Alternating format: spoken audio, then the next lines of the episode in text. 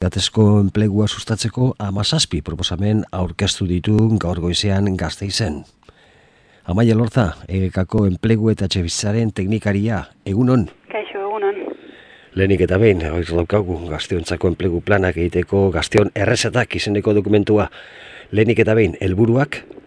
Bueno, e, guk egin dugun ekimen honen helburua da, ba, gazteon duin lan duina sustatzeko ideia batzuk plazeratu, ez? Hortarako bain bat gazte eta gazte elkarte e, batu gara, eta urte betean eman dugu, urte bete eman dugu lanean, eta, bueno, ba, dokumentu hau sortu dugu.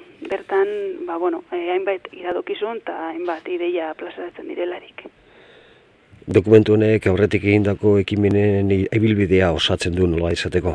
Ba, hiela da, duela bi urte, bi urte hasi ginen e, enpleguaren inguruko ekimen zehatzak egiten, eta, bueno, ba, enplegu arloan gaztei e, esleitzen arizteizkien hainbat errezeta magiko, ez, e, hausen hartu nahian, ba, lehenik eta binen gendun e, gazteen lan emigrazioari busko ikerketa bat, e, gero egin genuen ekintza ditzaren inguruko e, bestikerka bat, eta azkenengoa duela iru hilabete orkestu genuen, izan zen prekarioka.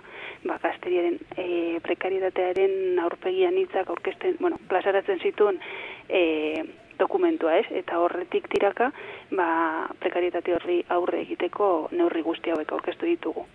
Nola egin duzu dokumentua? Ba, bueno, esan bezala, elkartu gara, bueno, badaukagu lantalde bat, deitzen dana enplegua eta, oza, gazteria eta enplegua, bertan elkartzen gara elkar, gazte elkarteetako sindikatutako eta gizarte mugimentutako gazteak, eta, bueno, ba, inbat dinamika egin ditugu guztien artean, eta, bueno, pizkanaka, gana pizkanaka, ideiak depuratzen joan dira, batzuk e, kendu ditugu, beste batzuk gehitu, ba, dokumentazioa, beste elkarten dokumentazioa osnartzen zela, eta bueno, ba, urte beteko lanaren ostean ba, txosten hau e, aurkezten dugu. Egia esan, esan behar da, e, txosten irekia dela. Hau ez dago itxita, da, ba, izan daiteke hemen ideia asko faltatzea, eta bueno, ba, beste gazte askok ba, esatea jo, ba, ez dut ikusten izladatuta nire iritziz ona litzateken gauza hau. Eta bueno, ba, hori, hori bai, esan nahi dugu irekia dela eta donork ere gurekin kontaktatu dezakela, ba, ideia berriak proposatzeko eta ez da bai datzeko lantaldean, edo eta gurekin parte hartzeko ekimen honetan. Zer moduz gaur goizeko prentsa horrekoa gazte izan? Oso ondo, e, bai, e, torri dira lantaldeko kide batzuk, eta, bueno, orkestu ditugu e, neurriak, eta, bueno, garrantzitsuena, hemendik aurreta dator. Ezken finean, e, bai, ideia berria jasoko ditugula, baina horretaz gain dokumentu hau administrazio, entitate eta sindikatu ezberdinekin e, ba, erkatu nahi dugu ez, eta berai aurkeztu eta ikusi benetan e, neurri hauek, e, zein neurritan e, barne bidu daitezkien haien e, egitasmoetan eta haien politika publikoetan. Ez? Azken finean gure helburua delako hau gauzatzea eta e, gazteon enplegu duina sustatzea benetan. Gaurko goera, gazteentzat enplegua oso garestia eta izatekotan oso prekarioa da. Hala da, bai. O, bueno, lan, e, altua dugu, ia da, estatu maiarekin konparatuta, euskaren ez dela horren, horren altua, baina prekarietatearen aurpegiak oso gogorrak dira, ez? Eta askotan ere ez dute kontatzen, bueno, prekaritateak egiten du, ba, langabezia datuetatik ateratzea, baina ez du bermatzen gure bizitza proiektua gauzatu alizatea, ez? Ba, bueno, e, zenbat, zenbatok ez dugu izan e, bekarik eta horrekin emantzipatu ezin, edo laurte ez e, beka eta praktiketan lan egin ostean langabezia diruzaria e, jasotzeko eskubiderik ez dugun, edo eta, bueno, ba, e, biligaren kontratu, ba, gaztuentzako kontratu bereziekin, ez? Azkenean, ba, praktika kontratuak edo formazio kontratuek e, bermatzen dutena da gazte gazte, gaztei beraien lanagatik ba, eskubide laboral gutxiago bermatzea, ez? Eta hori ba oso arriskuzua da. Errezeta liburu formatuan aurkeztu duzu, eh? Bai, ala da, bueno, pixka bat e, ba, formatu e, erakargarri bat emateko eta e, azpimarratzeko errezeta gehiago egon daitezkela. Ez direla ez bakarrak, ez guztiak, e, eta bueno ba hori batea irekitzeko jende gazte gehiagori ba gurekin batzera eta bueno ideia berriak e, plazaratzera Hama zazpi proposamen edo rezeta, zeintzuk azpimarratuko zenituzke? Bueno, guk azpimarratu genituzke, e, normalean enplegu planetan agertzen ez direnak. Hau da, bueno, enplegu planek normalean enplegua sustatzen dute, dola e, enplegu garritasuna, gazteon enplegu garritasuna e, sustatu nahi dute, eta guk uste dugu falta normalean falta zaien helburu bat dela gazten lan balditza betzea eta haien prekarietatea e, ekiditea, ez? Eta hoi helburu hori betetzera zuzenduriko hainbat neurri e, zehaztu ditugu. Ala nola, ba, gazten prekarietatearen prebentzio programa bat, ez?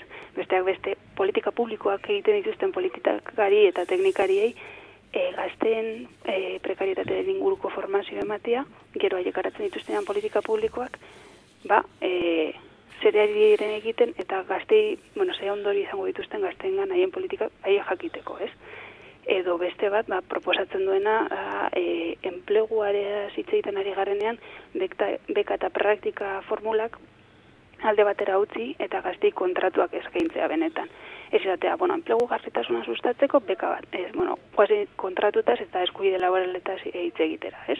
Eta hori lortzen dugun bitartean, ba, bintzat, e, beka eta praktika horiei e, egon kortasun klausula batzuk esartzea ez izatea, bueno, enpresetara bekarioak bidali eta gero ja, bai, kaleratuko dituzten nahi dutenean, ez?